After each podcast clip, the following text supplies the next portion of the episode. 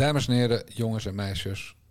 We zijn er nog. De Nare Jongens podcast van Niva Radio met Bas Paternotte en Jan Dijkgraaf. En waarom zijn we er nog?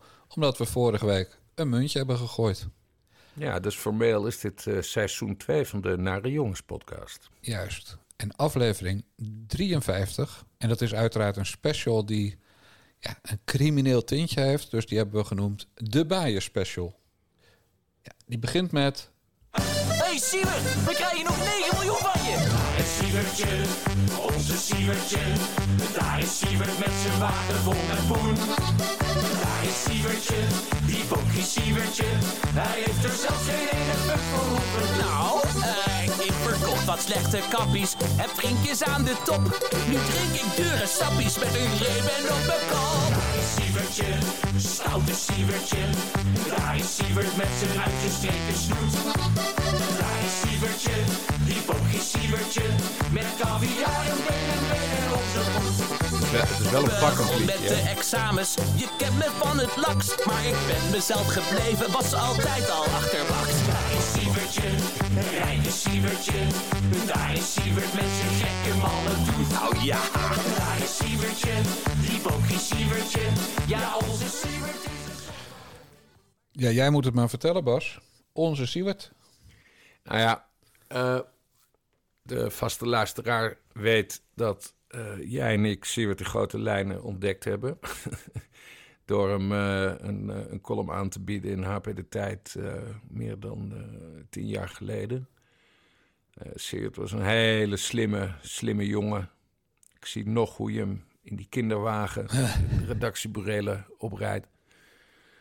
Nou ja, fast forward, toen kwamen we in die, die kwestie met de mondkapjes. En eh, iedereen die Siewert een beetje kende, die dacht... nou ja, zo is Siewert niet, is eh, onzin. Die heeft echt niet eh, even 9 miljoen aan die tent verdiend. Dat zal wel anders liggen. Nou, toen moest hij toch toegeven dat hij dat wel had gedaan.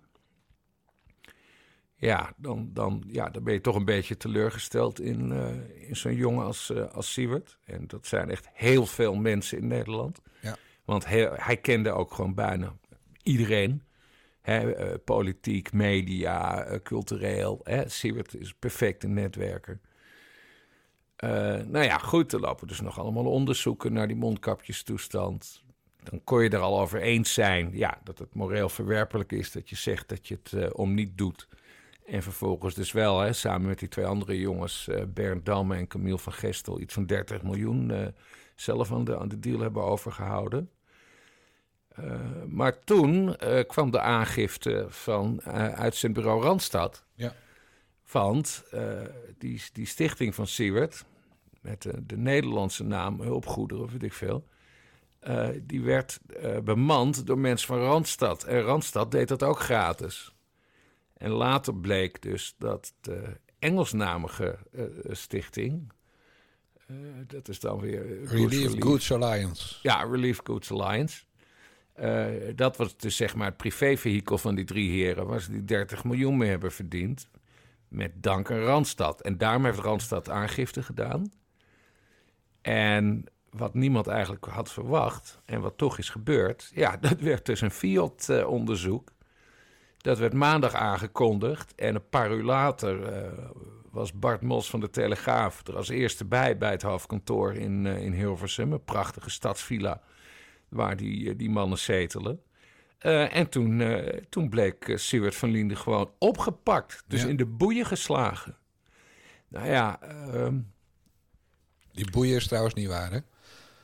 Je wordt dan achter in de auto gezet met kinderslot. Zodat je niet uit kan. een kinderslot is wel grappig bij hem, Ja. omdat hij nog steeds geen baard heeft. geen baardhaar. Ja, nee, maar ja, als je door de Fiat wordt opgepakt... Dat, dan, ja, dan ben je net wat, weer wat verder van je, van, je, van, je, van je voetstuk gevallen. De Fiat doet dat niet voor niets natuurlijk. Nee, dat klopt. Dan betekent dat dat het onderzoek bijna afgerond is... en dat het tijd wordt om je te confronteren met de bevindingen. Ja, exact. En, eh, en dat je, als je daar binnenkomt, vingerafdrukken moet, eh, moet maken. Je riem moet inleveren. De veters uit je schoenen moeten als die erin zitten. Ja. En je alles moet afgeven. Je mobieltje, je portemonnee. In zijn En geval terwijl wij dit opnemen, zit hij dus nog steeds Terwijl we dit opnemen zit hij dus nog steeds vast. Dus het is nu dag twee dat, eh dat Siewert eh, ergens in Hilversum... of ik weet niet waar ze hem opsluiten... gewoon in een, eh, in een politiecel zit. Wat natuurlijk... Ja, ik weet niet. Ik had het niet verwacht hoor, dat het zo uit de hand zou lopen. Ik eh, realiseerde me vanochtend dat er bij mij volgende maand 25 jaar geleden is dat ik daar ook zat. Op het bureau IJsselmonde in Rotterdam. En dat is eh, een, eh, een heel dun matrasje van plastic. Dat zijn papieren lakens en hoofdkussens. En een mini-kussentje. Dat is een stalen play zonder bril erop. Ja. Dat is papier, wc-papier waarmee je scheur in je reet krijgt. En dat is een good eh, guy bad guy, bad, good cup bad cup behandeling. En dat is droog brood met eentje met eh, wit uiteraard, eentje met kaas en eentje met eh, ham. Ja, je moet even voor de luisteraar, want dat moeten we uitleggen, zo kort mogelijk. Want je zat er niet voor oplichting in de cel. Waarom zat je in de cel? Echt Ja, als twee chef regels. sport van Panorama was ik verant- werkverantwoordelijk gehouden voor het neerzetten van een Ajax-auto bij de Kuip, die door wat hooligans vernield werd. En toen had ik een grote bek. eh, Toen eh, de loco-burgemeester van Rotterdam eh, zei dat het allemaal schandalig was, had ik een grote bek op Radio Rijnmond. En toen zei ik, nou, dan moet hij, me, moet hij, het lekker, moet hij lekker aangifte gaan doen. En dat heeft hij toen gedaan. En een paar maanden later Ja. werden twee collega's van hun bed gelicht. En ik zat al op de redactie, dus ik kon nog net even overleggen met een advocaat. Grappig genoeg, de advocaat heette Frits Snijder. En mensen die Follow the Money volgen over de Stewart kwestie... hebben die naam ook voorbij zien komen in het verhaal van Follow the Money. Eh, want Frits Snijder zei inderdaad dat, eh, dat bij Stewart heel goed sprake kon zijn van oplichting. ja. Het strafbare feit oplichting. Nee, ze kunnen hem dus eh, maximaal drie keer 24 uur vasthouden. En, En daarna hoeveel, nog dagen langer. zat jij in die cel? Even Ook drie even- dagen. Ja, dus oké. Daarna da- moet je naar de rechtercommissaris. Ja, die precies, kan het dan twee weken verlengen. Ja, ja, maar goed, jij wilde dus even dat beeld schetsen... hoe het is om drie dagen in de cel te zitten. Je, wordt, eh, je hebt helemaal niks. Je wordt, je, je wordt verhoord. Je wordt als Krijgt- crimineel behandeld. Mhm. Eh, en ik weet nog wel dat eh, de tweede dag zei een agent tegen mij... we weten wel waarom jij hier zit hoor. En toen voelde ik dat als een soort opluchting... dat tussen de junks en, en zo, dat er ook nog... dat ik in elk geval wel werd gezien als iemand die voor zijn werk daar zat. Want ja, het was, ging om iets wat we bij Panorama hadden gedaan. Ja. Eh, ja, dat slaat nergens op. En ik heb, eh, ik heb gevraagd om een schrift en een, en een potlood. En dat heb ik gekregen. Dus ik heb het allemaal goed van me af kunnen schrijven. Ja. Maar als jij gewoon gewend bent om in volstrekte vrijheid te leven. En zie wat dan met 9 miljoen in zijn kontzak. eh, en je wordt gewoon ja, opgepakt en, en achter het kinderslot gezet in zo'n, in mijn geval een Volvo 440, weet ik ook nog. Een Bordeaux-rode. Ja, dat, dat voelt zo. Dat is zo erg. En wat heel erg is, vond ik toen, is dat je je vrienden heel goed leert kennen. Nou, die heeft hij natuurlijk al leren kennen omdat hij al maanden in opspraak is. En ook eh, de mensen die hem misschien nog goed gezind zijn, ook behandeld als stront. Blokkeert op Twitter en zo. ja. Eh, dus hij weet dat al hoe dat is om paria, je paria te voelen. Eh, en die vrienden, mensen van wie je dacht dat je vrienden waren, een middelvinger naar je te zien opsteken. Dus, eh, maar dat vond ik wel, eh, dat- de vrijheidsbeperking is gewoon, eh, die voel je dan zo erg. En dat je bent overgeleverd aan ja, een openbaar ministerie dat je niet vertrouwt. Hè? Ik bedoel, eh, dat was toen veel minder erg, maar nu heb je ook nog bijvoorbeeld de toeslagenaffaire. Waardoor je weet, ja, de overheid deugt helemaal niet per definitie. Nee. En dat dacht je toen nog een beetje wel, maar ik kwam daar toen achter van niet. Echt mi- mijn eet gepleegd door agenten, eh, aantoonbaar. Dus dat ik fotobewijs had dat ik op een bepaalde plek was en dat ze gewoon zeiden: ja, iedereen met een kale kop en een leren jasje kan dat wel zijn. Ja. Terwijl ik toch markante oren heb, Bas. maar dan weigerde hij naar te kijken. Nee, u was gewoon daar en daar op dat tijdstip. Ja. Dus mijn ontlastende bewijs werd gewoon eh, terzijde geschoven. En je weet wat een rechter doet, of een rechtercommissaris. Die gelooft gewoon de ambtsedig opgemaakte verklaring van een agent. Oké, daarna moeten we het over Siewert hebben. Ja. Maar ben je eigenlijk nog veroordeeld? Nee, nee, dit- nee. Eh, wij kregen na een jaar en elf maanden, want het moest binnen twee maanden moest er iets gebeuren. Dus na een jaar en elf maanden kregen we een schikkingsvoorstel wat ik niet wilde accepteren. Maar waarvan zowel mevrouw Dijkgraaf, maar vooral mijn werkgever, eh, was toen een VNU, zei: Wil jij hier ooit nog carrière maken? Ja. Dan gaan we dit wel accepteren, dit voorstel. Want die wilde Ja. gewoon van het gezeik af. Ja, precies. En dat zo'n duwtje was natuurlijk wel fijn, want A betaalde zij het. En B, eh, als je wel een zaak van had laten maken, ja, had je ook kunnen verliezen. En Ja. als je geen vertrouwen meer hebt in justitie, ben je ook bang dat je gaat verliezen. Ja, ja, ja, ja. Goed, naar Siewert. Ja, die gaat een hele, hele, hele erg duw krijgen. Nou ja, je had het net over Follow the Money. Die komen dus ook met een boek eh, deze maand uit. Wist ik ook eh, niet. over hem, wist ik ook niet. En ik denk dat ze het zelf ook wel een beetje jammer vinden dat het, dat het nieuws eh, maandag al, al brak. Maar ik, ik lees hier, het heet eh Sieverts Miljoenen. En het is dus een heel groot eh, onderzoek van de auteurs waar ik nog nooit van heb gehoord. Strop. Jan Strop Ja. en Steven Vermeulen. Maar die hebben dus maandenlang onderzoek gedaan. Nou, dat is een boekje geworden. Het verschijnt pas 24 maart. Daar ben ik erg benieuwd naar. Maar daarom heeft Follow the Money maandag een, een ja, geen voorpublicatie, maar wat meer achtergrond geschetst. En zij sluiten dus niet uit dat dit, dat dit onderzoek eh, eh, groter is dan alleen die aangifte van Randstad. Ja. Want eh Coolblue deed bijvoorbeeld een deel van de distributie voor, Ja, hetzelfde verhaal. voor uh, Cumseus. En ik las ook nog iets over, over het voorschieten van... eh, want die, die mondkapjes kwamen uit China. Ja, Maar dat moet dan ook weer voor gefinancierd worden.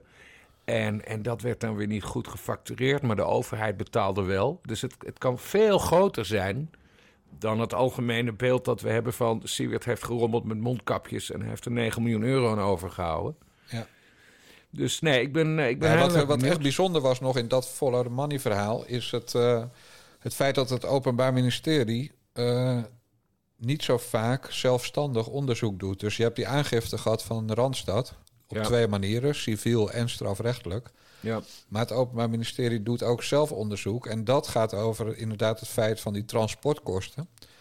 Dus eh, ze hebben zeg maar mondkapjes laten transporteren die verkocht werden door dat eh, Engelstalige bedrijf, waarvan Siewert de enige eh, bestuurder was. ja, En, maar ze hebben de, de transportkosten gedeclareerd als hulpgoederen, Stichting Hulpgoederen, waarvan die andere twee gasten de bestuurders waren. En ook gekregen van de overheid, ik geloof een kwart miljoen. En wat Follow the Money zich afvroeg, was of dat kwart miljoen, dus wat ten onrechte aan die Nederlandse stichting was betaald, eh, of eh, nou, wat in elk geval eh, niet naar die, die aan, ja, was aan die Nederlandse stichting betaald door de overheid, of dat was doorbetaald aan die commerciële BV van ze. ja. En als dat niet gebeurd is, ja, dan heb- hebben ze niet alleen Randstad en Coolblue en KLM en weet ik wie nog allemaal in de luren gelegd, maar hebben ze ook gewoon ja, gestolen van de overheid. Ja, maar dan wordt het echt een hele serieuze kwestie. En dan gaat het echt over oplichting. En Ja. dan gaan we ook uit van celstraf. Dan gaat het zeker stelstraf worden, maar dan gaat ook eh, het ten onrechte verkregen geld, dus dan, dan wordt dan teruggeëist. Eh, dus dan, dan moet hij ook die BMW eh, waar hij in rijdt inleveren. Dan wordt hij gewoon eh, ja, failliet gemaakt. Want hij heeft natuurlijk straks geen werk meer. Niemand wil die gozer meer. Nee. Hij moet de cel in. En hij is, hij is spoen kwijt. Ja, dat zit er gewoon echt aan te komen. Ja. Dus dit, en ja, vind, vind jij het zielig? Ja, ik vind, het, ik vind het zielig, maar dat komt omdat ik het beeld heb van de Siewert die, wij, die wij kenden. Dus die, Ja. die, die aardige, wat zachte jongen. Eh, wel met een eh, grote muil, stront eigenwijs. Maar geestig, ontzettend vriendelijk. Ja. Eh, nooit, ik, nee, ik had nooit iets van kwaad achter gezocht. En nu, ja, nou, eerst wat ik net zei. Ehm, eerst blijkt dus dat hij 9 miljoen overhoudt, terwijl hij zei: ik doe het om niet. Ja, en nu zitten we gewoon in de, in, in de, in de, in de hoek van de criminele oplichting. Ja, maar je weet wel wat er gebeurd is, hè? Eh, het is hem naar zijn hoofd eh, Nee, dat niet. Nee. nee. gestegen. Nee, wat dan? Wat denk jij? Nou, ik denk dat Siewert... eh, maar dit is Bram Bakker, hè? Maar goed, dat mag wel in een podcast. Ja. Ik denk dat Siewert echt de intentie had om het om niet te doen. En dat hij dacht van de beloning komt later wel. In de zin van een prachtige baan of, of een mooie carrière in de politiek, whatever. Maar ik denk dat hij dat oprecht dacht. Maar hij heeft er gewoon twee ja, zakenmannetjes... die niet alleen maar succes op hun naam hadden bijgehaald. ja. Ja, en die hebben natuurlijk op een gegeven moment tegen hem gezegd... Siewert, wij zitten hier nu wel onze tyfus te werken. En als we het zo en zo en zo doen... kunnen we er eh, een leuk zakcentje aan overhouden... en hoeven we nooit meer te werken. ja. En Siewert eh, was het gezicht. En Siewert zat overal te roepen... wij doen dit eh, bij de Stichting Hulpgoederen om niet. Ja. Ja, hij was dus degene die heeft zitten liegen. Die Camille en die Bernd, die heb ik nooit in de media horen roepen... wij werken om niet voor de Stichting Hulpgoederen... Ja, en we verdienen ja. er niks aan. Dus ja, maar jij stelt dus dat die twee keer als uh, Siewert het hoofd op hol hebben laten dat denk ik. Ja, Wat- dat, dat vind ik niet heel erg geloofwaardig. Omdat van die drie Siewert het meeste heeft verdiend. Siewert heeft er 9 miljoen Ja, gepakt. En die tuurlijk, twee maar- andere kerels ieder zes of zo. Ja, maar op het moment dat mensen tegen jou zeggen... Siewert, wij kunnen hier heel veel geld aan verdienen... en Siewert ziet dan die miljoenen... ja, dan denkt hij ook... ja, jongens, maar ik doe het werk. Ik zit elke keer bij De Wereld. Draait Door. Ik ben het gezicht. Ik heb een direct contact met Hugo de Jonge... en die PvdA-minister. Ja. Eh, ik kan Pieter Omzicht bellen met... Pieter, wil jij even een goed woordje voor me doen? Ja. Dus dan, als we het dan doen, heb ik ook recht op meer. Ik kan me wel helemaal voorstellen hoe dat gegaan is. En die jongen heeft denk ik nooit gedacht, oprecht, van... en dan gaan we misschien wel tegen de lamp lopen wegens oplichting. Ik denk dat dat helemaal niet in zijn systeem zit. Het is, het is zo'n... Hij heeft nog nooit gewerkt in het bedrijfsleven. Het is, het is een ambtenaar, een BKB'ertje. Ja. Dus ja, ik kan me... En, maar goed, Hij wilde die BMW wel heel erg graag hebben. tuurlijk. Daar heeft, daar heeft hij zelfs over getwitterd. Ja. Ruim voor, voor deze toestand. En gevraagd aan, ja, gevraagd aan iemand die in Zwitserland woonde hoe het, hoe, hoeveel geld je nodig had om in Zwitserland te leven. Ja, hij heeft wel wat domme tweets verstuurd. Ja, dat, Ja. dat is waar. Maar weet je wat ik het meest pijnlijk vind? Het, het 9 miljoen is natuurlijk schandalig veel geld. En, en als die een oplichter is, mag het ook afgepakt worden, wat mij betreft. Maar ik heb dat ook in mijn briefje geschreven op maandag. Er zijn ook heel veel bejaarden dood gegaan. Doordat er gefraudeerd is met de notulen van het OMT Ja. door Jaap van Dissel op verzoek van het ministerie van Volksgezondheid. Onder leiding van Hugo de Jonge. Exact. En dat soort mensen, nou, dat gaat eh, straks een parlementaire enquêtecommissie tegemoet treden met heel veel geheugenverlies. En moet hooguit aftreden als minister aan het eind van eh, de termijn van Rutte 4. Ja. En die onrechtvaardigheid, dat zit mij ook echt hoog. Ja, oké, maar dat is eigenlijk een ander onderwerp. Ik wil, ik wil naar een afsluiting, omdat je mij bijna aan het twijfelen bracht. Maar dat is niet gelukt. Ik denk serieus dat, dat wij, of iedereen die Siewert kende, wij hebben gemist dat er toch een zekere kwaadaardigheid in hem zit. Dat zeg ik nu hierbij. Ik heb het heel lang voor hem opgenomen. Daarna heb ik heel lang medelijden met hem gehad. Maar nee, dit, hij heeft de, zaak bewust eh, eh, genaaid. En hij wist er natuurlijk van. Ja, en nu, eh, nu wordt hij opgehaald door de Fiat.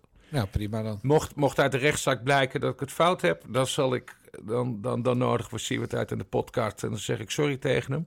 Maar ik ga toch uit van kwade opzet. Ja, het grappige is dat toen, hij, toen het echt voor het allereerst speelde met dat Volkskrant-verhaal... aan die hele kant van mensen die Siewert aardig vonden en vonden deugen... er eentje was die meteen zei, je deugt niet, vriend. En dat was ik. Want de geen stijlhoek en zo, die namen het nog heel lang voor hem op. Ja, maar jij, ja, maar net zeg je van, hij heeft zich het hol laten brengen. dat door denk ik nu. Ja, Maar toen, hij, toen het voor het eerst speelde en de Volkskrant met, dat, die, met die primeur kwam... ja, toen voelde ik ook wel meteen, het deugt niet. En Ja. kijk, nu zijn we maanden verder. Nu denk je, hoe kan het gebeuren? Dat, want die jongen had natuurlijk een geweldige carrière kunnen maken. Eh, en hij heeft ergens gekozen voor, nou, ik ga niet meer werken voor mijn geld. Ik ga gewoon die 9 miljoen pakken. ja. En dan dat belachelijke idee met, ja, maar ik wil wel terugbetalen. Ik ga rendement maken en dat geef ik dan aan een goed doel. Ja, dat was natuurlijk, eh, dat, dat ben je echt niet streetwise als je daarmee komt. Maar goed, hij, eh, hij kan wat ons betreft dus gewoon de cel in. Ja, nou ja, eh, Ja. hij moet, ik, die rechtszaak die moet komen. Laat de rechter het maar zeggen. Ja, dit wordt niet de rechter, hè. Dit wordt, daarna wordt het gerechtshof, daarna wordt het Hoge Raad, daarna wordt het Europees eh, Hof voor de Rechten van de Mens. Ja, want Siewert is wel een vechter. Die gaat dat Precies. natuurlijk niet over zijn kant laten gaan. Nee, we zijn nog lang niet van de kring af. Ja, en hij heeft een oorlogskas. Tenzij ze die innemen natuurlijk. Ja, maar hij zal toch niet alles meer bij ABN AMRO in Hilversum bestaan, Bas? Nee, dat zit natuurlijk Ik denk dat hij wel gewaarschuwd is wat dat betreft. Ja. Ja, nou, eh, leuk. Nou, nog iemand waarbij we iets heel anders gaan zeggen dan we altijd zeggen. En voordat we gaan stemmen geef ik eerst de heer Baudet de gelegenheid voor een stemverklaring. Het woord is aan de heer Baudet, Vorm voor Democratie. Dank u wel. We stemmen uh, over een motie over openbaar maken van partijfinanciering. Omdat er allerlei complottheorieën circuleren, verdachtmakingen, Russisch geld. Uiteraard zullen wij voor die motie stemmen. We hebben werkelijk niets te verbergen. Over, hoewel ik het met een aantal consideransen van de motie niet eens ben. Maar goed, dat is dus ik, prima. En ik wil nog zeggen, ik had natuurlijk geen tijd meer om nog mijn volgende motie in te dienen. Maar die had ik nog wel gemaakt. Dus ik vind dat dan ook, kijk, het heel specifiek Russisch geld. Maar ik vind dat we onderzoek moeten doen naar al het geld. Ja, ook Chinees geld, uh, ook Israëlisch geld, Amerikaans geld. Ik, ik, dan wil ik ook alles weten. Dus wat mij betreft, hè, ik, wij gaan gewoon voorstemmen. Prima, we hebben niets te verbergen. Ik zou, ten eerste is mijn geweten überhaupt niet te koop. Mijn ideeën zijn überhaupt niet te koop. Anders had ik niet zoveel ruzies in mijn partij gehad. Want ik, ik kies gewoon voor de inhoud. Ik kies voor mijn eigen overtuigingen. Maar zelfs iedereen mag het zien. Maar uh, er is niks. Uh, maar dus we doen uh, openheid van zaken geen enkel probleem. Maar laten we dan ook dat allemaal doen. Gelijke monniken, gelijke kappen. Ja, ja dit, dit, was super mooi. Dit was de, dit was de, de oude Thierry Baudet. Van, van voor de Boreal speech uit 2019. Uh, dit is waarom ik ook een tijd fan van hem uh, geweest ben en, uh, en, gewoon lid werd van die partij. Ik ben overigens ook lid van de Partij voor de Dierenluisteraars. Dus en ja 21. En ja 21. En, en ik heb tijdens de laatste gemeenteraadsverkiezingen in Utrecht op de SP gestemd. Dus dan hebben we dat uit de weg. en, nee, maar het, het, was, het, het, het, het was klassiek Baudet. En hij zegt van, we hebben niets te verbergen. Mijn geweten is niet te koop. Laten we komen met het onderzoek. Uh, verder, uh, wat hij zegt over geld uit, uh, uit China, Israël en Amerika. nou, dat lijkt me ook een hele relevante vraag. Ja. En Nederland. Ik hoop, want de, de, de, het, het, is nog even onduidelijk of de Kamer dit onderzoek laat doen. Of dat het ministerie van Binnenlandse Zaken, dat komt het meest dicht in de buurt, een, een onderzoek gelast. Maar ik stel voor dat we alle buitenlandse financiële geldstromen naar politieke partijen even, even laten zien. Nee, en Baudet is dus heel erg zeker van zijn zaak. Hè? Want er wordt de hele tijd gezegd van... Uh, uh, ja, hij wordt aangestuurd door, door Moskou. Hij krijgt geld uit Moskou. er is nog nooit aangetoond dat hij ooit een cent heeft aangenomen van het Kremlin. Er is wel aangetoond dat hij banden heeft met die, die John Loveland. dat, dat is weer een die weer bij RT zitten, Russische ja. uh, dat staatsomgroep, bla bla bla bla bla. Dus er zitten wel mensen om hem heen, net zoals die, die Kornilov-kwestie, die ga ik niet helemaal uitleggen. Maar uh, tijdens de, de aanloop naar het referendum over het uh, associatieverdrag met Oekraïne was er opeens een meneer Kornilov, die deed alsof hij Oekraïner was, maar eigenlijk uh, hij was een Russisch Oekraïner en had banden met het Kremlin. En die ging opeens opiniestukken insturen. En dus wij hebben op TPO hebben wij één stuk van hem geplaatst. Wat oh, we kregen, kregen via de, uh, Baudet. En twee weken later zat hij bij Nieuwsuur. Uh, dus uh, iedereen is erin ingetrapt. En dat is heel lang gespeeld van oh, TPO hulde ook met de Russen. wat allemaal gelul was, want die Kornilov zat twee weken later bij, bij Nieuwsuur dus. anyhow, ja, nou ja. Baudet denkt dus dat, dat, er geen bewijs is. Ja, hij heeft 150 euro gekregen van RT. Nee, daar vroeg hij om, begreep ik. Oh, je weet niet dat, of gekregen Of hij dat gekregen heeft, is een beetje onduidelijk. Nee, maar het is bij Baudet en Geld natuurlijk heel simpel. Als je fout zou zijn, had Henk altijd al 84.000 keer naar iedereen in de media rondgestuurd. Exact. Die maar wat, wat doet Henk Otte? Die komt alleen maar met die halve argumenten. Ja. Van ja, eh, Baudet volgt het Russische narratief. Baudet had contact met Lofland. Baudet had contact met Kornilov. Nou ja, Henk Otte, die, die was dan ook gewoon, zat ook gewoon nog bij Vorm voor Democratie. Ja, Annabel dus Nanninga ook. Ja. Ja. Hij heeft trouwens deze actie. Nou ja, ik weet niet of het zo is, maar Nanninga heeft dezelfde actie een keer uitgehaald in de Amsterdamse gemeenteraad. Toen wilde Sylvana Simons, die toen een gemeenteraadslid was in Amsterdam, uh, die wilde een onderzoek naar uh, racisme en discriminatie door politieke partijen in de Amsterdamse gemeenteraad, in de Stopera.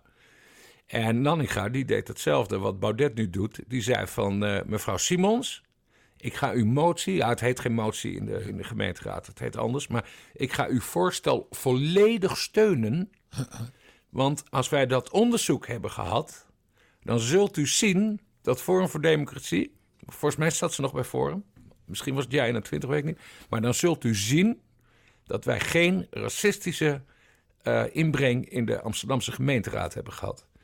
En toen heeft Sylvana Simons die motie eh, toch maar ingetrokken. Ja. Want die was toch wel een beetje geschrokken van de zelfverzekerdheid van, eh, Nanninga, ja. van Nanninga. En, en Baudet voert diezelfde strategie. En eh, nou ja, hij zegt het zelf, laat het onderzoek maar komen. We gaan het zien. Ja. ja, goed gedaan. Ja. Een ander onderzoek over zijn neveninkomsten, komt dat er ook? Die boeken waar hij bijna een ton aan heeft verdiend? Ja, dat, ja, dat, ik, ik, ik, ik vind het eigenlijk niet zo heel interessant. Omdat dat gewoon een, een, een, een klein, maar dom feitje is. Eh, hij moet dus die neveninkomsten opgeven aan een, aan een eh, Tweede Kamerregister. Nou, dat doet hij consequent niet. Eh Harmede Botje van, eh van Nu.nl, inmiddels vroeg Vrij Nederland... maar die, die heeft zichzelf heruitgevonden bij Nu.nl... Eh, die heeft toen dus ontdekt dat Baudet eh, in ieder geval 80.000 euro eh, royalties, hoe heet het in jullie Ja, wereld, Jan? Ja, royalties. Ja, royalties, aan, zijn- aan zijn boeken overhoudt. Dat wordt deels, komt dat ook door de partij, omdat hij het via de partij verkoopt, bla bla bla. Nou, ja, het is allemaal niet heel erg zuiver, maar er is niks crimineels aan. En het enige wat hij dus niet doet, is het opgeven aan dat register. Ja, dat doen velen niet. Maar dat doen heel veel mensen niet en het is volgens mij niet eens verplicht of zo. Ja, het is officieel wel verplicht, maar er staan geen sancties op. Nee, maar er staan geen sancties op. dus- Maar het is sowieso wel leuk voor de mensen als een keer een regenachtige dag is om in dat register te kijken van geschenken. Dan zie je dat sommige mensen inderdaad nog een potlood wat ze krijgen opgeven. Ge ontvangen een boek. Om die reden wil ik er binnenkort een keer 150 boeken die kant op sturen. ja. Maar, eh, maar sommigen doen er echt alles in. En er zijn er ook die in zes jaar lang eh, nog nooit iets hebben ingevuld. En er is ook zo'n register voor reizen, meen ik. Ja. Ja, dat is natuurlijk wel grappig als het gaat. eh, nou ja, Jet is nu geen Kamerlid meer. Maar om eh, te kijken hoe de milieu, hoe de klimaatfanatici, hoe eh, fanatiek die ook allemaal vliegen. Nou ja, een, een, een heel bekend voorbeeld van dat register is natuurlijk het, het appartement dat, dat Alexander Pechtold inmiddels jaren geleden werd geschonken. Ja. Door een persoonlijke vriend van hem, tevens eh, oud-ambassadeur van Canada. En dat hij dat niet heeft opgegeven. Ja, dat werd een hele toestand. Ja, dat staat bekend voor de mensen die eh, nieuw zijn als de omkoopneukhut. De omkoop, neukhut. En ook trouwens qua reisregister, dat was ook weer Pechtold.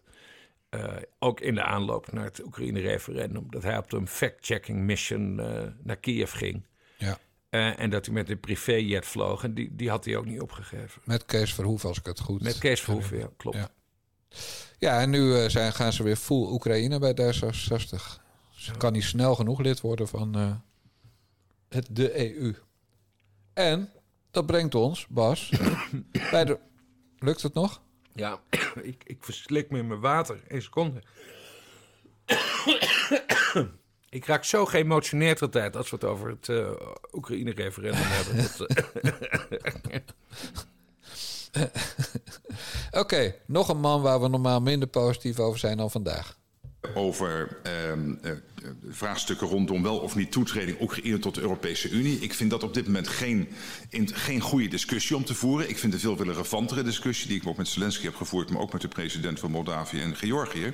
Hoe kunnen wij ervoor zorgen dat we als Europese Unie ons eh, veel sterker verbinden met deze drie landen. Ook hun ambitie om zich op Europa te richten erkennen. En ook uh, met hen samen kijken naar middelen om alle mogelijkheden die er ook nog zijn in het oostelijk partnerschap uit te nutten.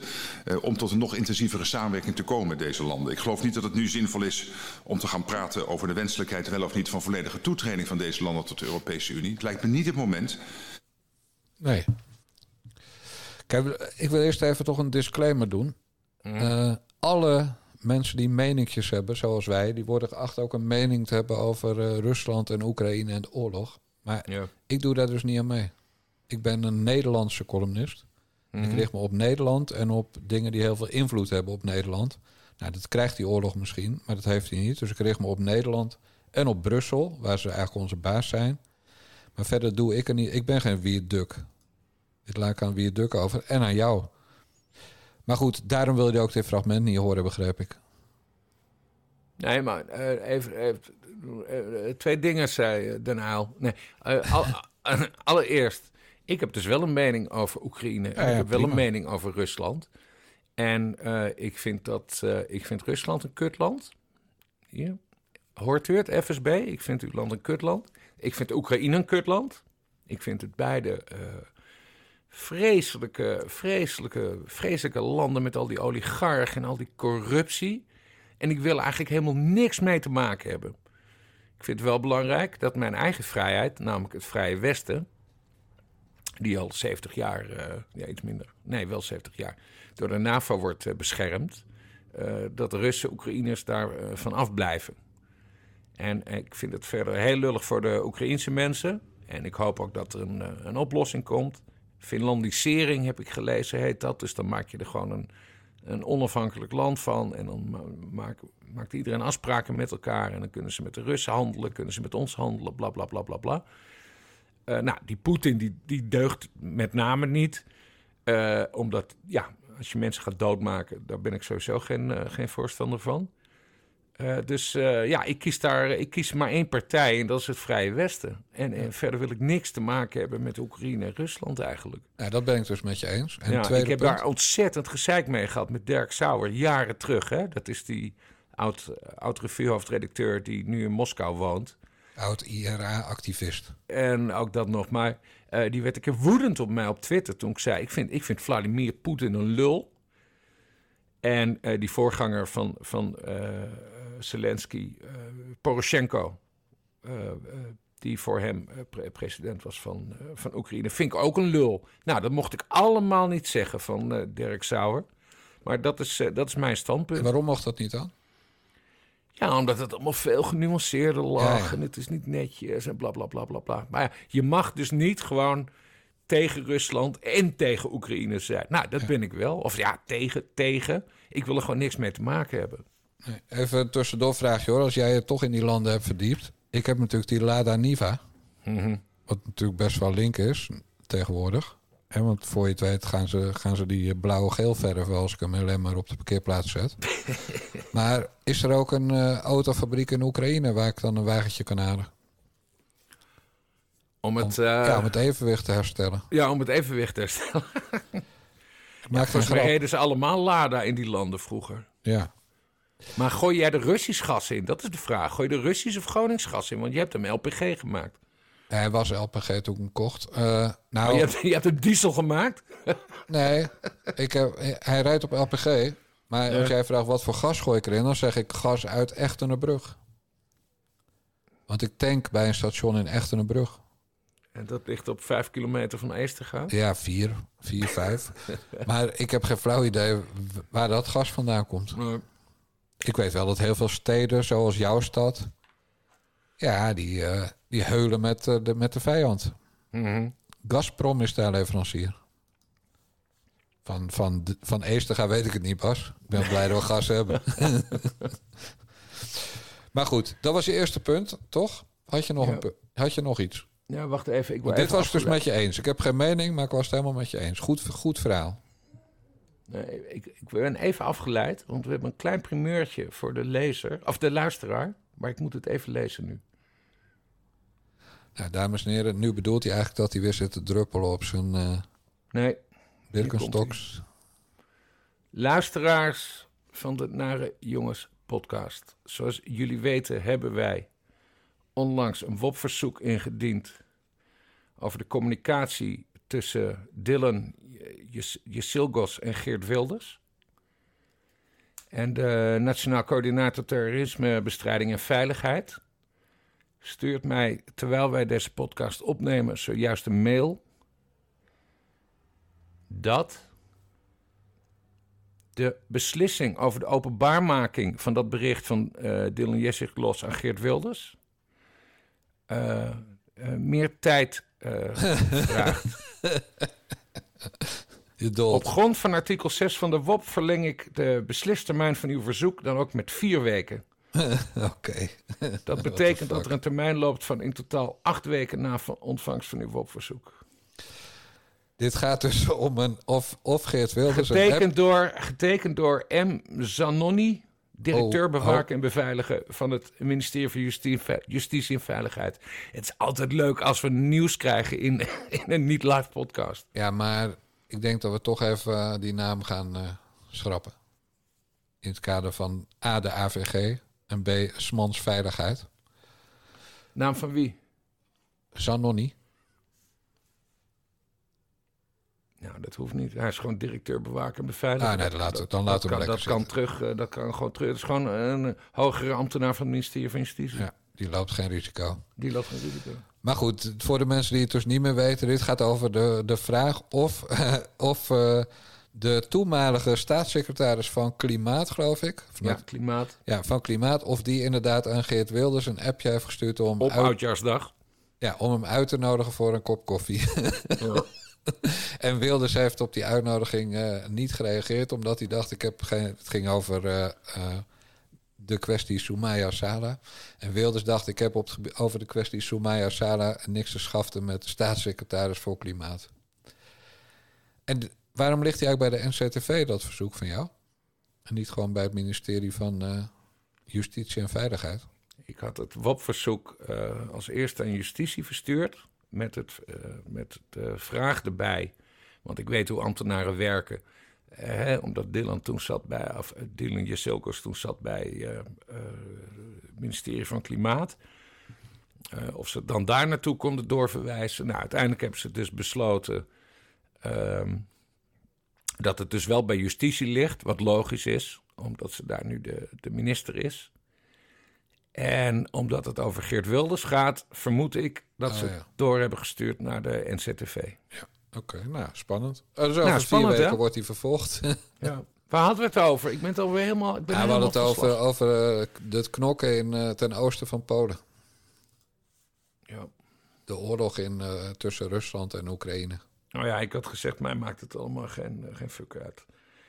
Ik vind ze beiden niet leuk. Nee, eh, we hadden het over Mark Rutte, want dat is waar we het echt over zouden hebben. Ja, dat klopt. Ja, eh, nou, die heeft tussen rug eh, recht gehouden. Eh, de commissie van de Europese Commissie, Ursula von der Leyen, die begon dus opeens te roepen van... ja, Oekraïne is welkom, bla, bla, bla, bla, bla. Nou ja, daar gaat ze dus niet over. De lidstaten gaan erover. Bovendien hebben de lidstaten een vetorecht. Eh, punt drie, natuurlijk gaat Mark Rutte dat vetorecht gebruiken... Ehm, eh, mocht er ooit over gestemd worden dat eh, Oekraïne kan toetreden tot, tot, de, tot de EU. Want dat proces dat duurt natuurlijk jaren. En dan zal Mark Rutte of zijn opvolger nee zeggen, omdat dat de Nederlandse bevolking is beloofd. Het associatieverdrag was geen opstapje naar het lidmaatschap van, van Oekraïne. Wel is er dinsdag over een motie of ding gestemd. Eh, dat het Europees Parlement er wel voor open staat. Maar dat zegt ook niks. Dat is eigenlijk allemaal, allemaal symbolische toestanden. Want er gaan echt. Ik bedoel, Turkije wil al sinds de jaren negentig proberen ze bij de EU te komen. Daar, gaan enorme onderhandelingen aan, eh, aan vooraf. Maar Mark Rutte die heeft gewoon zijn rug recht gehouden. eh, door in dat debat te zeggen, want hij werd natuurlijk door verschillende partijen erop op aangesproken. Van hoe zit het met Van der Leyen? En Rutte die zei heel helder: toetre- toetreding van Oekraïne tot de EU is nu niet aan de orde. En het helpt ook niet bij het oplossen van dit conflict.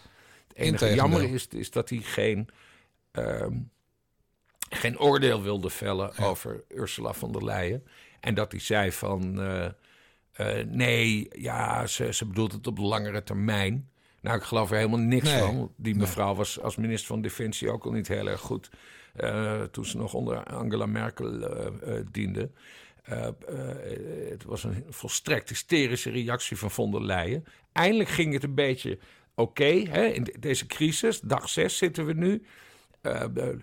Europa werd enigszins eensgezind over hoe we dit moeten aanpakken. De, de- NAVO was, was bezig. Een goed debat was. En ba- bam, Ursula von der Leyen, Oekraïne mag lid worden. Dat helpt niet, vrouw. Ik bedoel, wat denk je nou? Dat, dat, dat, hoe denk je dat, dat Vladimir Poetin daarop gaat reageren? Ja. Nou, dat hebben we vandaag gezien. Een enorme raket sloeg in, in, in Kharkov. ja. En de volgende stap is eh, Berlijn, want die is ook te halen. Binnen Nou, de. Duits- de Duitsers die doen het wel goed. Nee, tuurlijk, maar nee, ik ga er niks over zeggen, want dat had ik beloofd. Maar jij zegt van het ging goed, maar we hadden natuurlijk ook nog onze eigen minister van Defensie... die het boodschappenlijstje van, eh, van Oekraïne doorstuurde aan Poetin. Met we hebben dit en dit en dit gestuurd. Nou, gelukkig een- is Nederland, dus het was allemaal nog heel lang onderweg. Met die emoticon. Met die, eh, met die emoticon van die spierbal, blank. Hè, man, blank. Zeg alles fout aan ook nog in het kader van diversiteit. Dus ja, het gaat natuurlijk helemaal niet goed. En dan Kaag, die als minister van Financiën...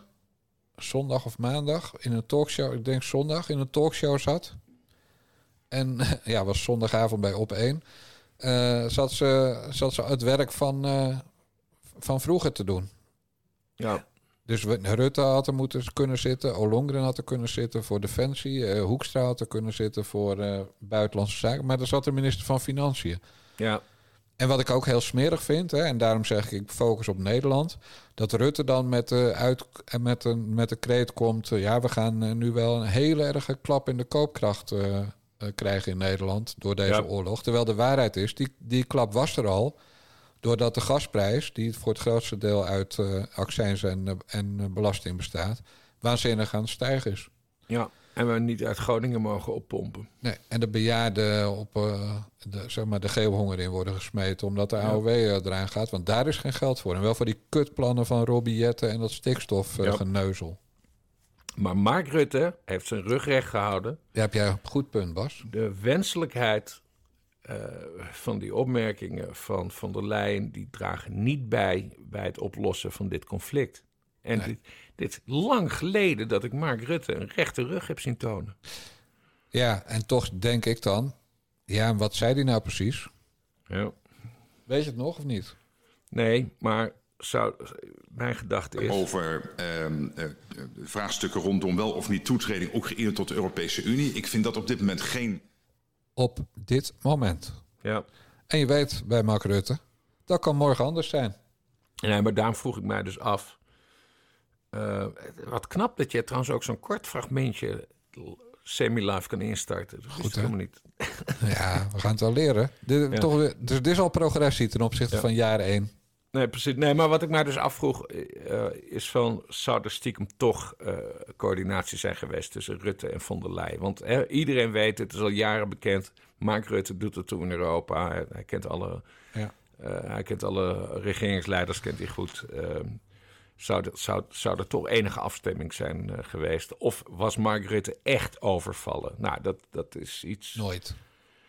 Nou, nou ja, ik ben benieuwd. Misschien komen we er ooit nog een keer achter. Nee. Kijk, en jij, jij bagatelliseerde wel even van het Europees Parlement. Maar het feit is dus dat, eh, dat er een videoverbinding is met Kiev. Ja. Daar houdt iemand een, eh, zeg maar een hartverscheurende speech. En vervolgens zegt het Europees Parlement... nou, wij zien geen beletsel om Oekraïne vervroegd lid te maken van de EU. De Europese Commissie mag zich er nu over buigen... en een voorstel doen aan de landen. Ja, Ja, jij zegt wel, het gaat niet gebeuren, het duurt jaren. Maar je weet het niet hoor, bij die gekkies. Het is ook een kans.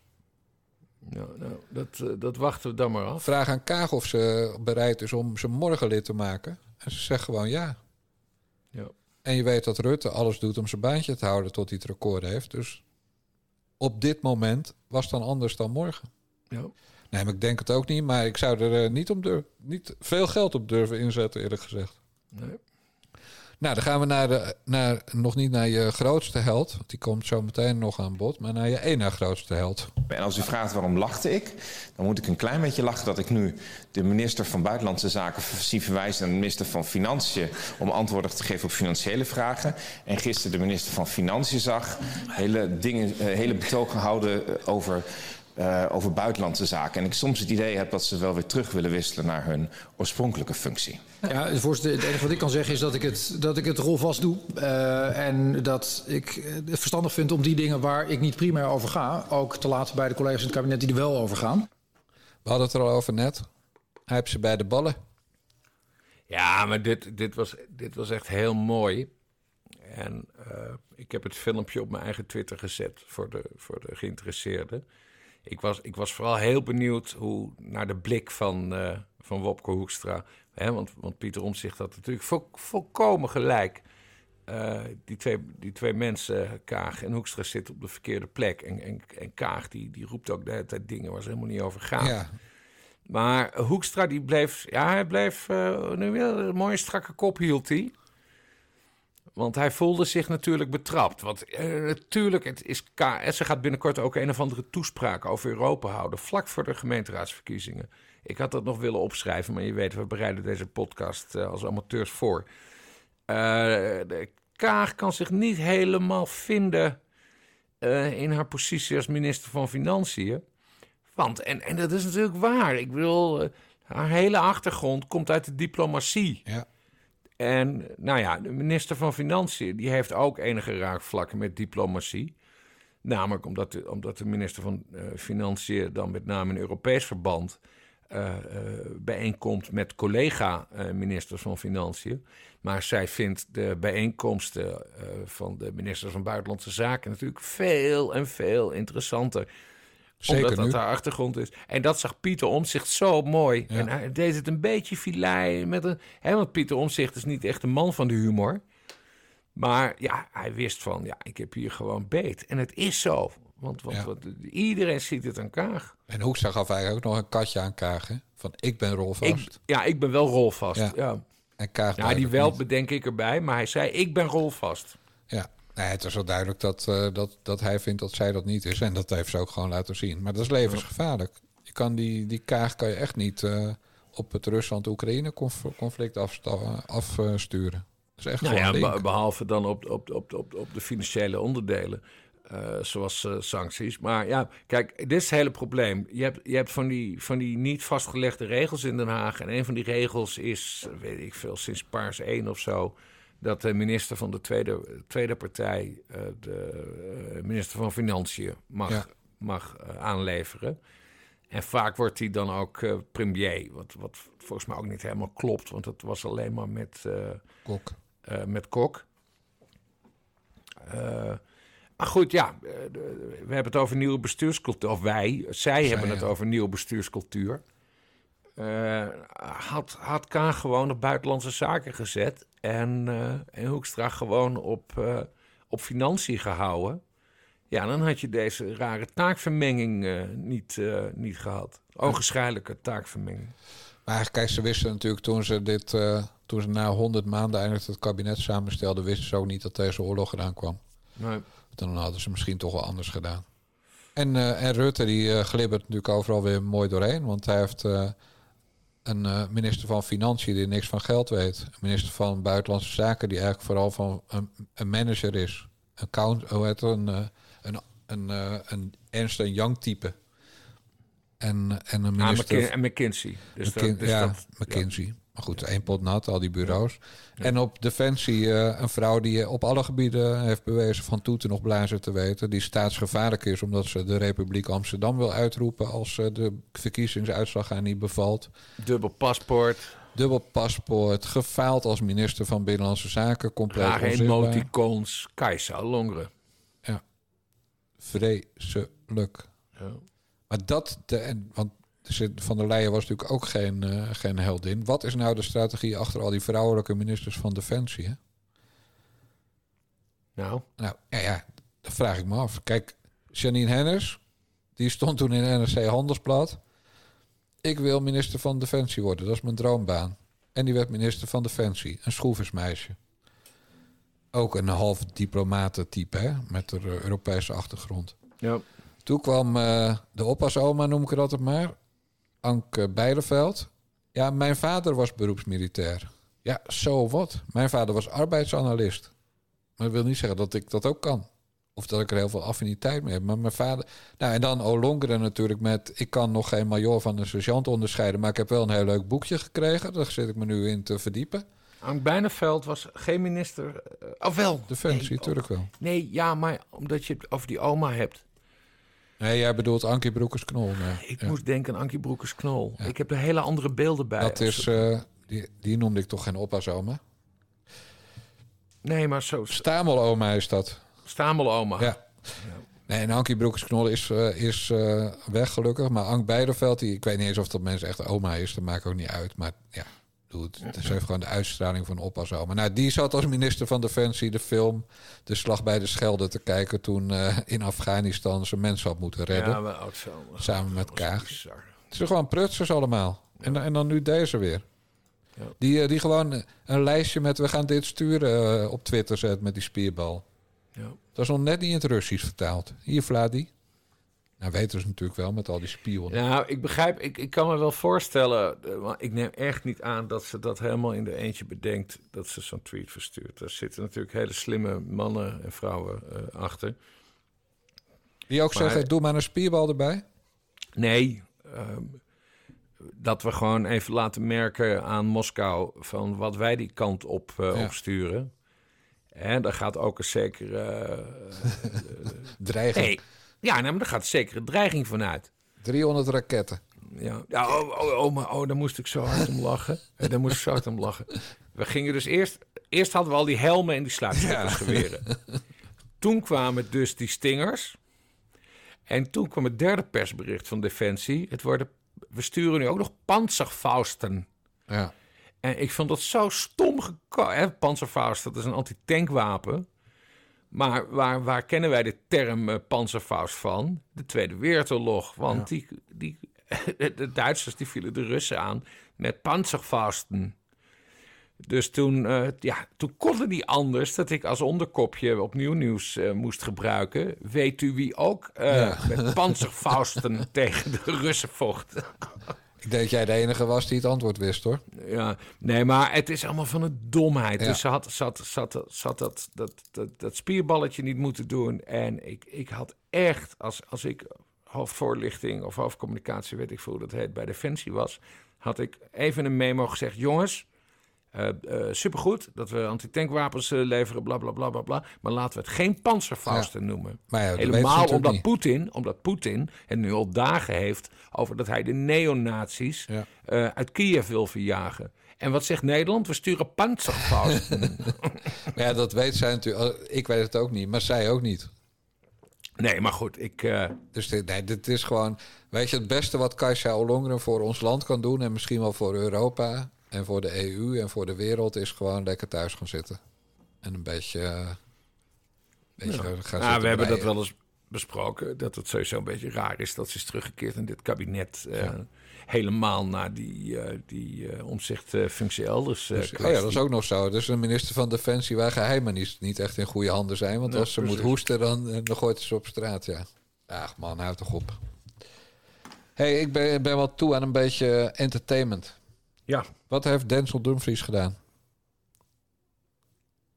Eh, dat is voetbal, Jan. Dat is heel iets anders. Dat is ook entertainment. Nee, Geef voetbal is helemaal geen en- entertainment. Zullen we nou krijgen? Voetbal is hartstikke belangrijk. Oké, nou Nee, ik ja. heb geen idee wat Denzel Dumfries heeft gedaan. Want ik ben natuurlijk eh, afgelopen dagen louter bezig met, met geopolitieke ontwikkelingen aan de oostgrens van, van Europa. Vanaf de gracht in Utrecht.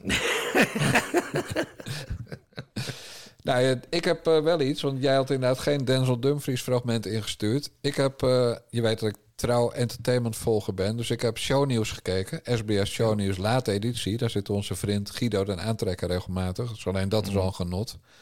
Maar ik heb een heel lang fragment en dat gaat over Leeuw Kleine. Eh, Ja. En voor de mensen die dat allemaal niet weten, Leeuw Kleine is een rappertje, zo'n teringleiertje, die als hobby heeft om onder andere geld te verbranden en vrouwen te slaan. Of de deur van vrouwen te pletten tussen de, tussen de autodeur. Het hoofd van vrouwen te pletten tussen de autodeur. Ja. Kortom, gaaiers. En Leeuw Kleine die eh, moest gisteren bij de rechter, ma- maandag bij de rechtbank komen om, eh, omdat het Openbaar Ministerie wilde dat hij voor verhoor nog even 14 dagen in de cel eh, eh, werd gehouden. Nou, de manager van Leeuw Kleine is Nathan Moskowitz, de zoon van eh, Bram Moskowitz, de vroegere advocaat. De advocaat van Leeuw Kleine is Nienke Hogevorst en dat is de partner van Bram Moskowitz, zijn vrouw dus. Nou, en bij Shownieuws werd, eh, eh, werden Leeuw Kleine en de advocaat werden een beetje aangevallen door Bart Etterkoven, de hoofdredacteur van het Kappersblad. Dus ik lees dat nooit weekend. Nou, en dat, daar ontspon zich een heel eh, ja, vervelend gesprek van eh, ja, een paar minuten. Dus ik ga dat helemaal afluisteren. En theoretisch, als je heel snel bent en niet nadruppelt, zou je even weg kunnen gaan, Bas. En eh, hij hield de kaken stijf op elkaar. Ook zijn advocaten zei helemaal niks. Ik sprak vanavond nog even met onze verslaggever Kirsten... die, daar, eh, die we daar ook even zagen, zagen lopen. Ze zegt, ja, ik verbaas me daarover. Je kan toch in ieder geval even zeggen geen commentaar... of we hebben op dit moment nog niks te zeggen. Er is, of... gezegd, er is gezegd geen commentaar. Nou ja, goed, zij heeft Misschien niks heeft gehoord. iets aan ik zie ook op die borden, op, op, op, die, op die beelden eh, eh, zie ik dat eh, verder niet. Ik zou zeggen, als je een beetje fatsoen hebt, dan stop je eventjes en dan zeg je... Nee, gewoon, als je, nou, een, als je een beetje fatsoen hebt, dan stop je op het moment dat de advocaat heeft gezegd: we hebben geen commentaar vandaag.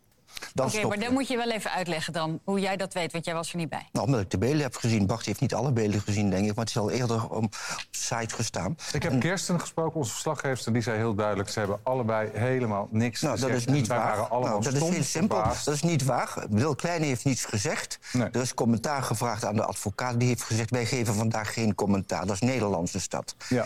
En daar zei Kirsten van: ja, maar daar kunnen we niks mee. Die heeft ze nog een keer gevraagd en nog een keer gevraagd.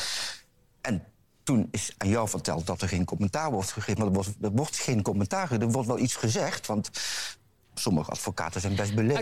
Oké, Ba- Babylonische spraakverwarring. Een Babylonische dus, eh, spraakverwarring. In ieder geval, eh, geen commentaar is ook- als in niks inhoudelijks. maar dat onze klopt. collega heeft dus heel goed haar werk gedaan vandaag. en- want die is blijven doorvragen. En wij eh, hebben ook van, later vandaag op de dag nog even contact ge- gezocht met Nienke. Maar eh, ja, die wilde niks meer tegen ons zeggen. Omdat ze vond dat we haar ver- vervelend hadden ben- benaderd. Op een of andere manier. Dus eh, die weigerde verder iets te zeggen. Dat klopt. Is daarom de emotie dus zo hoog? Nee, dat is helemaal geen dat je altijd, nou, maar dat je altijd emotie bij mij ziet. Nee, Bart kan hier niks aan doen, maar die is niet goed ingelicht. Dat gebeurt wel eens. Ik heb die beelden gezien. En er is gezegd, wij geven vandaag geen commentaar. En wat me wel eens verbaast, en dat is ook wel eens... ik heb met Bart daar wel eens een lichtelijk meningsverschil over gehad... dat men hier denkt dat je altijd als manager commentaar moet geven... omdat een journalist vindt dat dat moet. Dat je als advocaat commentaar moet geven omdat een... eh, Omdat een hoe noem je dat? Een, een, een, een, medewerker toevallig van, van Shownies... wat dan ook van een andere show kunnen zijn... vindt dat dat moet. Dat moet helemaal niets. Nee, je moet niks. Nee, maar maar de vraag nee. is op een gegeven moment, is het slim? En Nou, eh, dat kunnen in deze neem hele, van in mij deze aan, hele zaak... hebben Neem van mij aan dat Nienke Hogevorst beter kan bepalen dan jij... omdat het haar vak is, want jij bent weer aan andere dingen beter... of het slim is om vandaag niets te zeggen.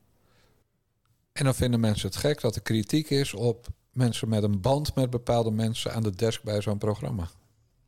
Nou, jij hebt het nu ongetwijfeld voor het eerst gehoord. Wat is je conclusie? Moet Moskovits nooit meer aan tafel daar?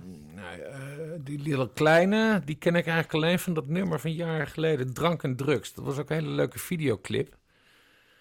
Eh, verder heb ik natuurlijk gevolgd dat hij zijn vrouw al dan niet meermaals heeft mishandeld. Verder vind ik het altijd triest om eh, Bram Moskowitz, ooit een van de grootste advocaten, strafrechtadvocaten die we hebben gehad, ja, zo te hebben moeten zien afdalen van, van de grote berg. Nadat hij nu dit soort shit moet verdedigen in een of ander eh, roddelprogramma. Ik vind het zo jammer. Ik vond het zo'n mooie advocaat. Hij, ik ben wel eens bij een rechtszaak van hem geweest. Hij kon zo mooi pleiten. Ja, en nu loopt alles door elkaar heen. Eh, zijn zoon doet het management van die, van die rapper Little Kleine.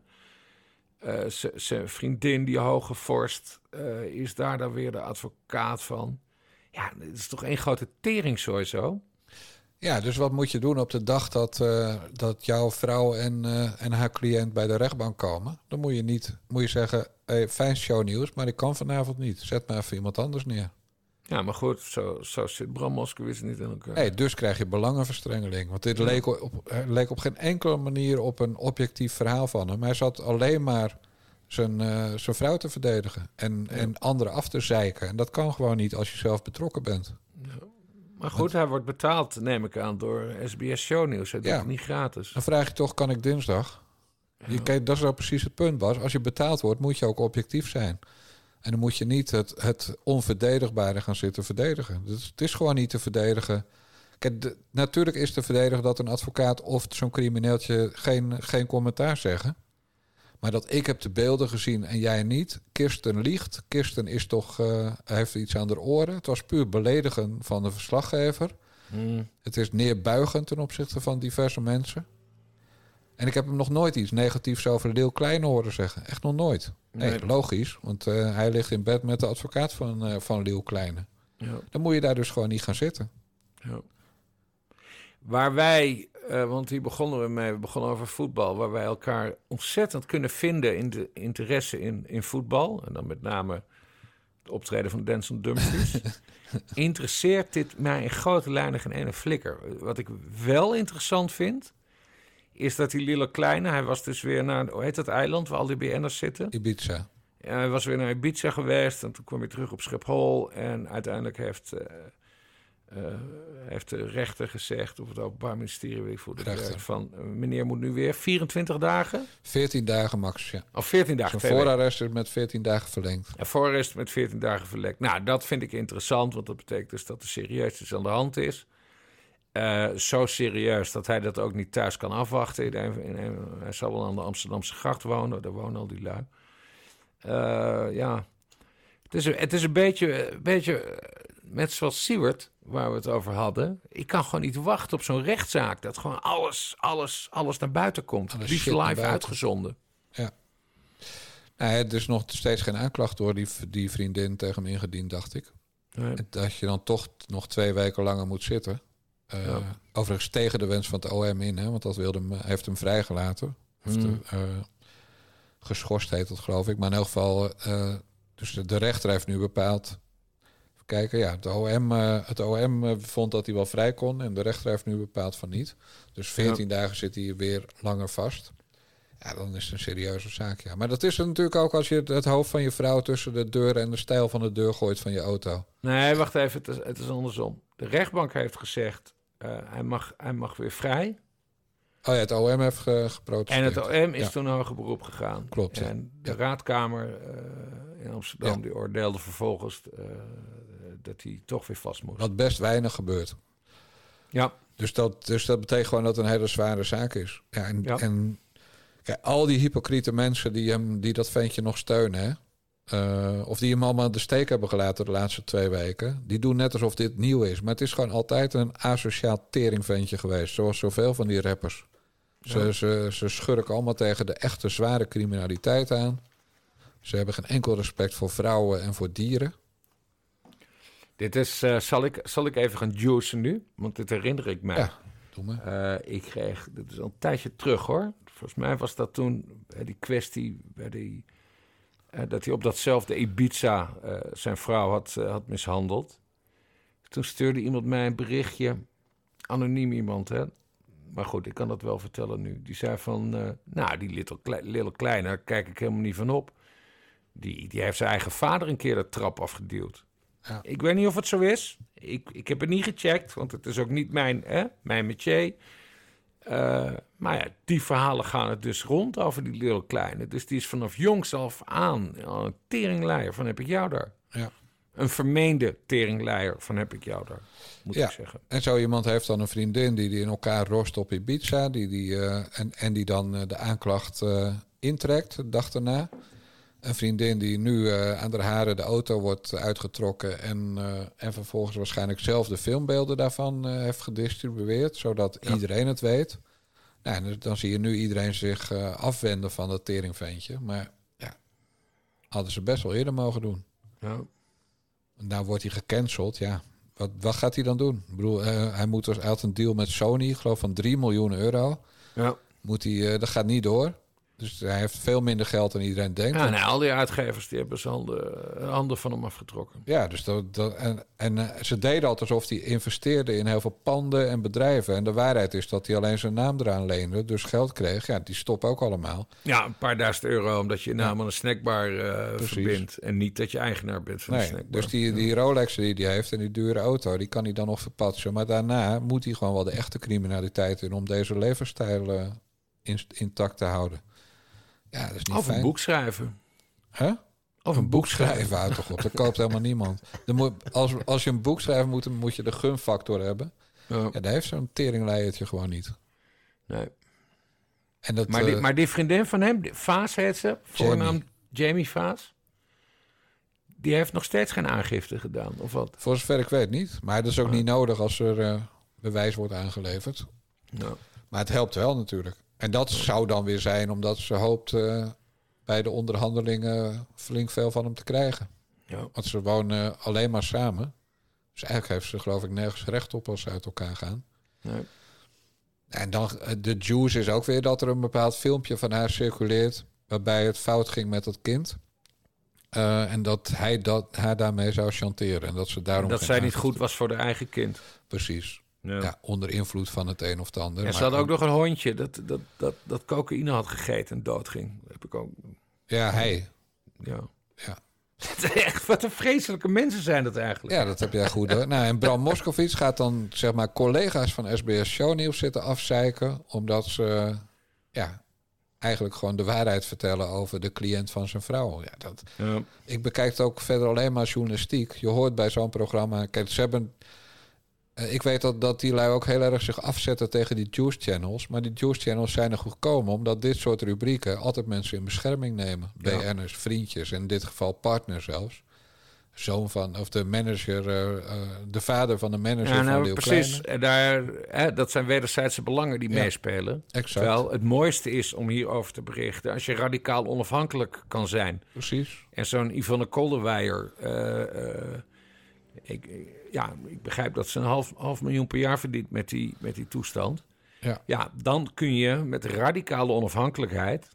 Tenzij je een keer echt voor gaas gaat. Hè, en dat, dat iemand met heel veel geld een proces begint, weet ik veel.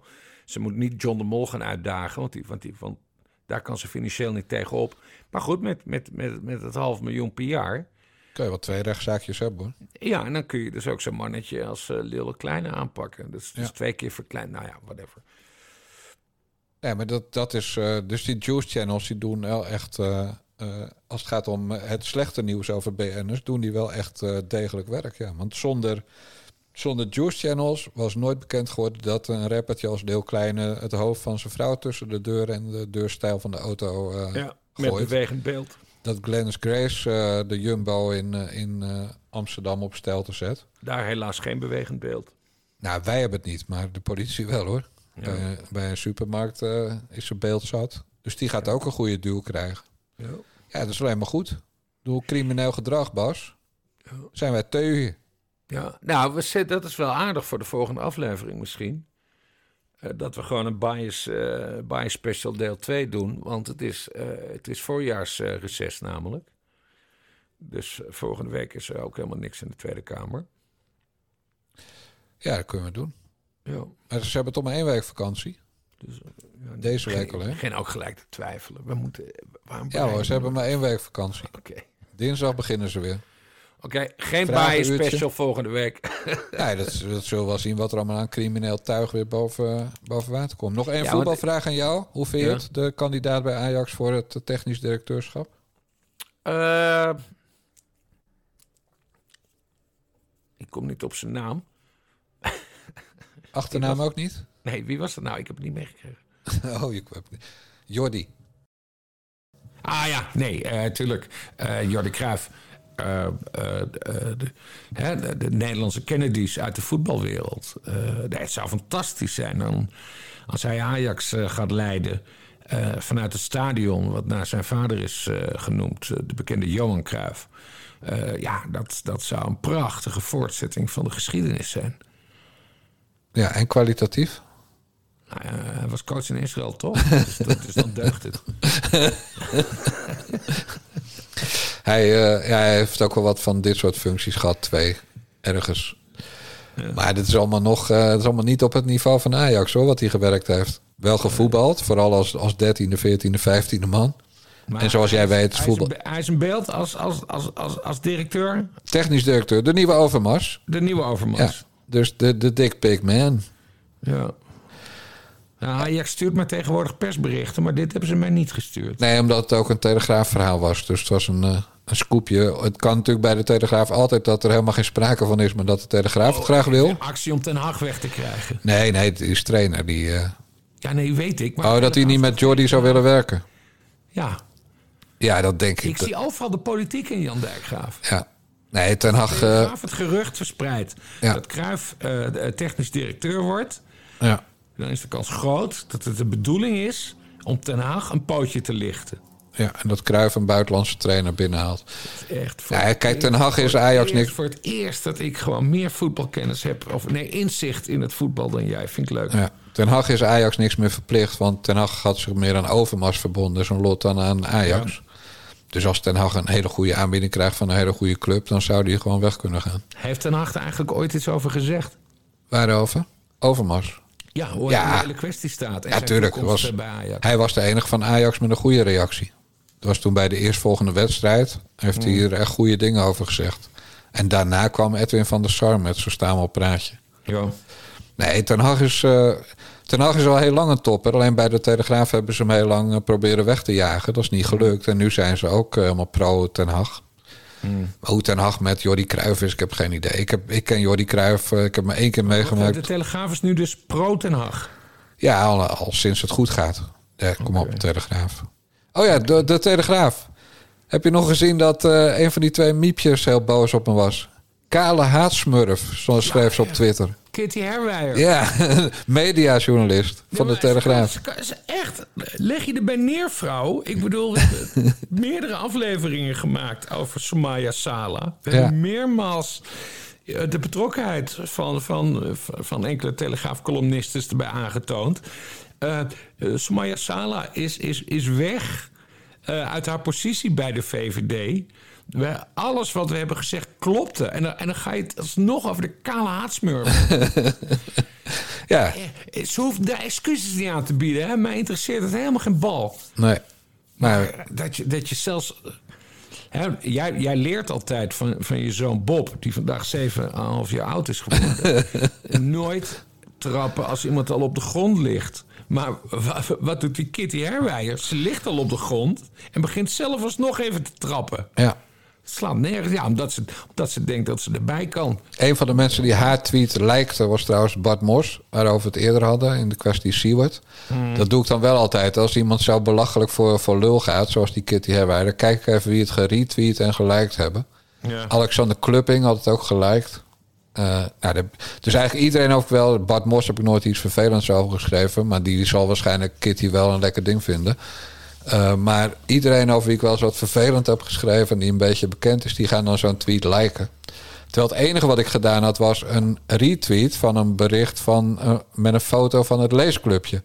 Waarop Soumaya Sala stond en eh, Kitty Herwijer en Elif Isitman en Machtel C. Want die zat ook blijkbaar ook in het leesclubje. Ja. En dan zegt ze, ja, die kale haatsmurf is geobsedeerd, hè, was geloof ik. En het leesclubje bestaat trouwens al niet meer. Ja, wie heeft ooit gezegd dat het nog bestond? Ja, wie, wie zijn hier nou de kleine mensen? Ja, die telegraafmiepjes. Exact. Ja. En wat wel goed was, dat wie het Duk hem niet geliked had, haar tweet. Nee. Dus wie het die heeft, die gaat natuurlijk ook mijn dingen niet liken. Hij zou wel gek zijn, dan, dan heeft hij tegenstanders bij de Telegraaf. Maar wie het heeft in elk geval de gave des onderscheids om niet te gaan heulen met die kipjes. Ja, Dus, nou ja, tot zover. Tot zover. Het, eh, het entertainmentblok. een Volle, volle aflevering. Ja, dat dacht Tweede ik ook. seizoen, hè? Lekker man. Ja. Ja, en er wordt eh, goed gedoneerd. We hebben de beste maand ooit achter de rug. Echt een hele beste maand. Maar ja, met die, omhoog, eh, met die stijgende gasrekeningen kunnen we dat ook goed gebruiken, die eh, donaties. Absoluut. Dus, lieve mensen, dit was de 53ste aflevering van de Nare Jongens podcast van Niva Radio. Onze website is nivaradio.nl. Doneren kan bij de Nare Jongens podcast op tpo.nl via onze favoriet narejongens.backme.org of via bunk met een q.me slash Niva Radio. De mazzel. Doei doei.